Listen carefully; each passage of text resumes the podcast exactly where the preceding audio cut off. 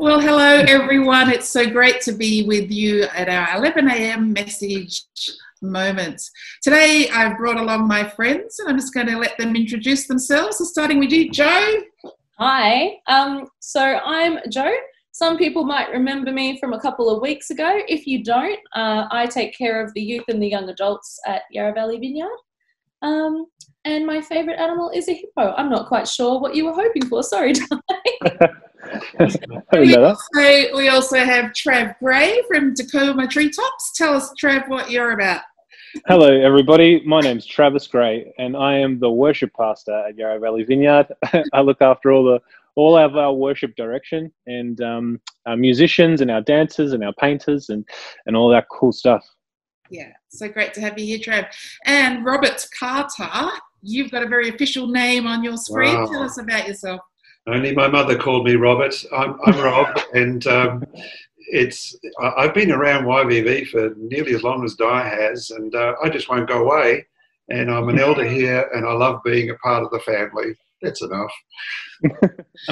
so great to have you guys all here with us. So today we're going to be starting just digging into the Psalms, and we're going to be looking at a message today called "Let the Psalms Speak." So each of these guys are going to just share some things that have been really relevant from the Psalms in this time of pandemic that's been a personal uh, aha moment for them, or even just something that's been really helpful for them. So we're going to throw over to Rob first, who's going to just open it up and dig in with what are you finding the Psalms speaking? Let the Psalms speak, Rob. Okay, hey, thanks, Di. Um, look, one thing I, I, I, do know about the Psalms is that they've always, always been important to God's people, way before Christianity. Uh, back in Hebrew times, we understand that they were used all the time in the temple. We don't know exactly how, but um, in my growing up, I got introduced to the Psalms in the formality of being a, a young choir boy, and we used to sing the Psalms, wait for it, antiphonally. Yeah, that means you sing them across the church. You know, we would be in pews one side, the others would sit the other side, and so part of a verse would be sung and another part over there. But I have to say, it was all very formal and it was probably kind of lost on me at that time. So, some years later, in actually finding Jesus, coming to faith in Him, um, now it's taken on a whole new meaning. And really, the Psalms have always been, they sit in the whole big book as a prayer book. and they sit in the big book as a book of songs. Um, and I think what we can sometimes lose is just how rich all of that is. And it's very easy to just drop onto the Psalms that, you know, make us feel good. But we've got to know that there's other Psalms in there, and you say, can you really talk like that to God? and the wonder of it is, is you can.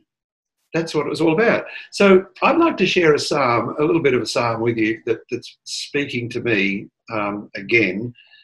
And it's Psalm 84. And Psalm 84 is, we understand, because all of these prayers were often being sung anyway, but it's thought that this psalm comes from a pilgrim who wasn't able to go up to the temple. It wasn't, it was one of those occasions where, you know, everybody else is making their way up to Jerusalem because it is the great feast of weeks or the great feast of Pentecost, whatever. For a reason, he wasn't able to go. That's the sense of this psalm and so he he, he begins to um, just long for the, the place of God, and he starts. How lovely is your dwelling place, O Lord Almighty. My soul yearns, it even faints for the courts of the Lord. My heart and my flesh cry out for the living God. And then he's remembering because, you know, up there in the temple, the times where the sparrows or the whatevers could be wrens could be flitting around up there in the heights. And he says, even the sparrows found a home. The swallows have got a nest. They're in the place near your altar. And he is just longing to be there. So this psalm speaks to me as, as a song of, oh, I want to be with the people of God. I want to hang out where the people hang out and where we come and worship you. Mm. Um, so it, it, resonates in me in, in, that way. He says, Look, even those who get to dwell in the house, he's talking of the priests there, they're forever you. How I envy them. That, that's the complaint almost there. And then he says, Blessed are those whose strength is in you, who have set their heart on pilgrimage. Hmm. And then he goes on to say how they go from strength to strength until each appears before God in Zion. And so this psalm is um, saying that to me again. It's the prayer, the cry of my heart. Love talking to you guys virtually. But um, I want to go and give everyone a hug and say, hey, I want to be in your presence, in the presence of the Lord. We're doing it together, full on. Um, and I guess a time like COVID makes you appreciate that so much more. It's not just, oh, another Sunday, I guess I better go to church. It's actually, woohoo! um, we get together with the people of God. Um, better is one day in your courts than a thousand elsewhere, it goes on to say. And O Lord Almighty, blessed is the one who trusts in you. So it's about a pilgrimage towards presence. And I hope that's the journey that we all want to be on. Uh, and I'm seeing that in the Psalms. So, Trav, on my screen, you're just below me. I'm going to pass to you and say, what's speaking to you from the Psalms? yeah, thanks, Rob. Um, yeah, no, I love, I love, I love that, Rob. But uh, it just reminds me of that song. You know, the great song, "How Lovely Is Your Dwelling Place." Oh, such a that, that's I grew up on that. You know, in that song in the vineyard. It's so cool. Um, but but yeah, I, I, really love what you said um, previously about the Psalms being um, uh, there's night and day in the Psalms. You know, like the, the, there's highs and lows, and mm. and the and the and you know, as a worship pastor, you know, you might expect me to to talk about how the Psalms are. Uh, you know the song you know the the the foundation for all of our worship songs and you know it's like it's that the, those are the books that give us permission to worship but um but for me lately it's more speaking to our human condition more than anything you know our humanity. And and and for me the psalm that's that, that sort of stood out to me this week was um, probably the most famous bible verse in the, in all the world. Um, it's, it's, psalm 23 you know? Um, uh, you know my, the lord is my shepherd i shall not want. He makes me lie down in green pastures. He leads me beside still waters. He restores my soul. He leads me in paths of righteousness for his name's sake. Even though i walk through the valley of the shadow of death I'll fear no evil, for you're with me. You know, like that's it's just it's just it's, it's famous for a reason because um, it speaks to a peace that, that that we can't explain. You know, in Philippians four seven it says there's there's a peace there's a peace that we can experience that we can't explain, and and and for me that's the peace that God provides us. That's a, that's that's that's available to us. You know, and so um, you know especially in this time you know, I haven't really been affected by the whole COVID thing. I feel like in my heart, I haven't really been um, affected by it. I, obviously, I, I empathise with people that have that have experienced it firsthand, and you know, my, my, heart goes out to all those families that have lost people with, with this silly, silly virus. You know, but um, but for me, the peace that God provides um, is it's uh, it's just so practical and it's just so um, re- relevant and it's so available. And so um so yeah that's that's that's that's what I've been really focusing on lately. Um you know we get we get permission from the psalms to be at our lowest and be at our highest and and and, and to be a human is to be up and down you know. I've noticed this you know, I'm getting a little bit older now and I'm like I'm not I'm not you know, I'm not there yet, but but um, but no, I'm you're not, little, um, but I'm getting a little bit older, and, and I found that in my mature, as I mature, I've realised that life is is is is like a wave. Life is up and down, and and um and our circumstances shouldn't dictate uh, uh where we sit in our peace. Yeah, you know, yeah. um, so so yeah, that's kind of what it's been saying to me. And and you know, even looking at Psalm 22, the, the psalm just right before it, you know, David, he's like, "Why have you forsaken me?" It's a crucifixion psalm. He's like, "Why have you forsaken me?" And then all of a sudden, we we roll into this one, and he's like, "Nothing's going to affect me. I'm, I sit at a table in my with with my enemies." You know, like it's a it's really cool. So um so anyway, so that's what it's it's just freeing. It's just freeing for me. It's permission to to experience lows, to experience highs, um, and it's it's it's just a really it's a freedom thing for me.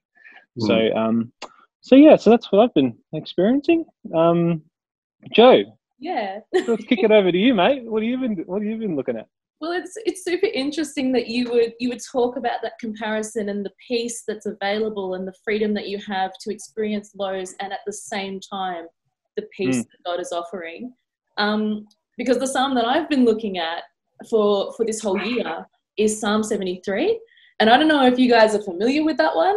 The bit at the end is great. The bit at the end is like my verse for the year, and the last little bit is but as for me, it is good to be near God. You know, that peace that you're talking about. Mm, yeah. sovereign Lord, my refuge. Um, it's, it's talking about the thing that you are really experiencing and finding in that psalm. But the rest of the psalm is not peaceful.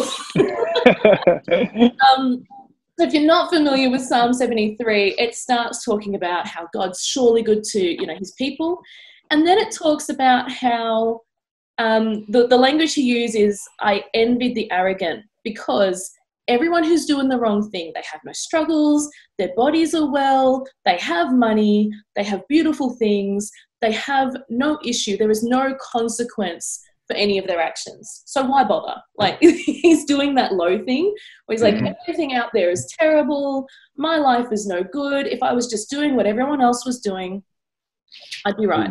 What, what's with this God Bizzo? Why isn't he looking after me? Um, and I don't want to sound like a, a sad sack, but um, for me, perhaps the this isolation stuff. I mean, I long to be around people. I long for routine. I'm realizing how much I miss just simple things. Um, I think I've said to to Di like for me, a highlight is to go out for coffee. I go to the shop and I buy a coffee because it's the closest thing to a normality. And it's so mm. easy, I think, to go, well, God, why, why aren't you in control? I mean, all this stuff is going on. If people were looked after, if you were looking after your people, you know, no Christians would be sick. We wouldn't be experiencing this. We're a Christian nation, blah, blah, blah. Like, I just, I can go there mm-hmm. really quickly. Um, and, and bigger than that, why are people who are doing the wrong thing in political circumstances, why are they prospering? Why are people supporting them? Why am I seeing all this injustice that's not being met?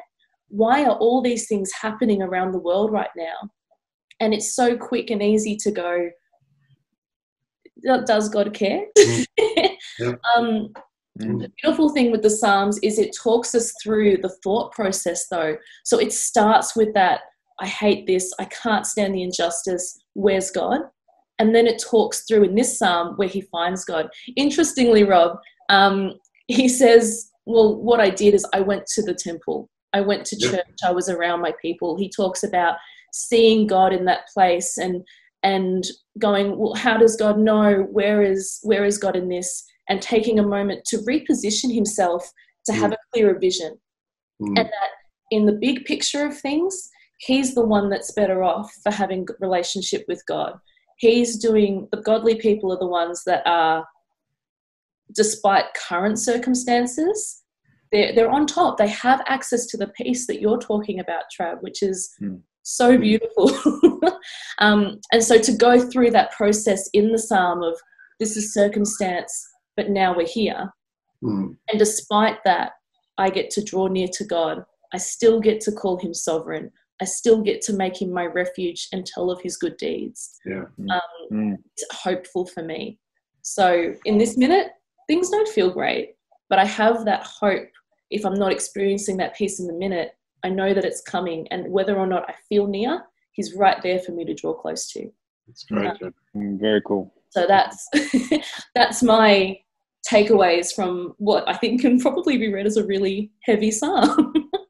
um, yeah, so mm. that's what I've been sitting with. Hi, are you bringing us a psalm today, or? Well, I think um, we've been given so much from you guys, just your responses to three Psalms, very different Psalms. And um, we all will be reading through the Psalms and discovering that all the Psalms have stuff to say, but for this moment, there'll be something really personal for each of us. So, Joe, I love that you had a fairly full on Psalm, but there was a reversal that happens throughout that Psalm that keeps us looking towards God. And you just described that so well. So, thank you. So, what we're going to do is we're going to have a few weeks, perhaps, of our Sunday message moments of just comes and getting some more responses about what is speaking to you through the Psalms. And so these guys have just kicked us off this week, and I might share some more next week, and we might get some other people speaking into this as well.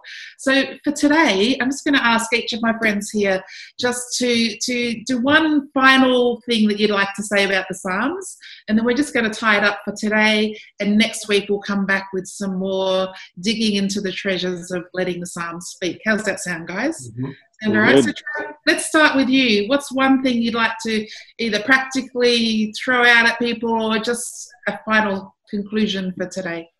Yeah, no, I was just I was just um, thinking, you know, how how how do how we practice peace?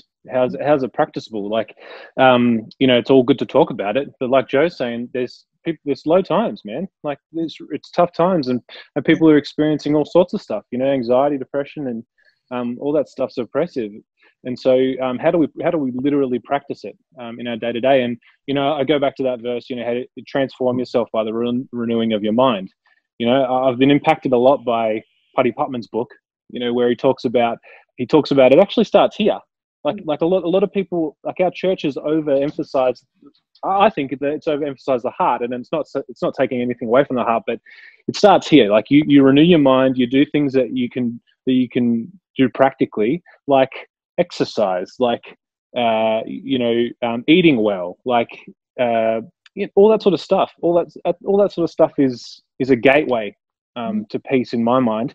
Um, and the other big thing is Thanksgiving. Like I said, yeah. I said, I think I said a while ago, Thanksgiving is a gateway to peace, uh, I, I, believe. So you start with thanking God for everything that you've got, um, and then everything leads in from that. So, mm.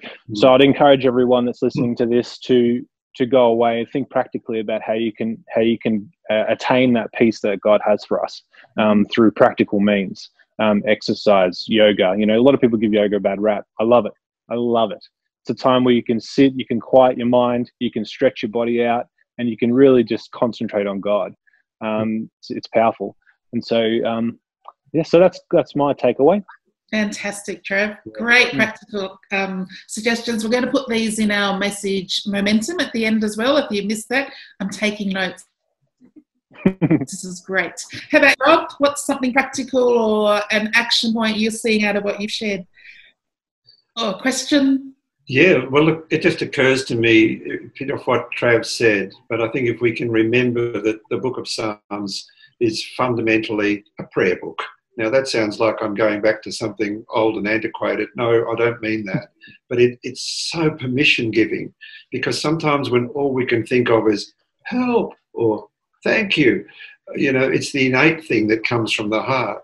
But to go further and be able to say, and God is fine with me sitting in his presence and just laying it all out to him. And as Joe has so well said on Psalm 73, being able to grumble about the stuff that's not fair. Mm. I mean, it's conversing with God. So if we just can be ready to get aside and say, He's got big, big shoulders. He can take all that we want to say, and and it, it frees us up to begin to, I think, really press in with God and find Him in fresh ways. Beautiful. Yeah. Great. Thank you so much. Well said. And Joe, any last thoughts? Um, yeah, so my, it's not from the Bible, so don't be upset. Um, but the saying, comparison is the thief of joy. I think it was Roosevelt said it um, first. And I think that that's probably the thing that I'd love people to explore.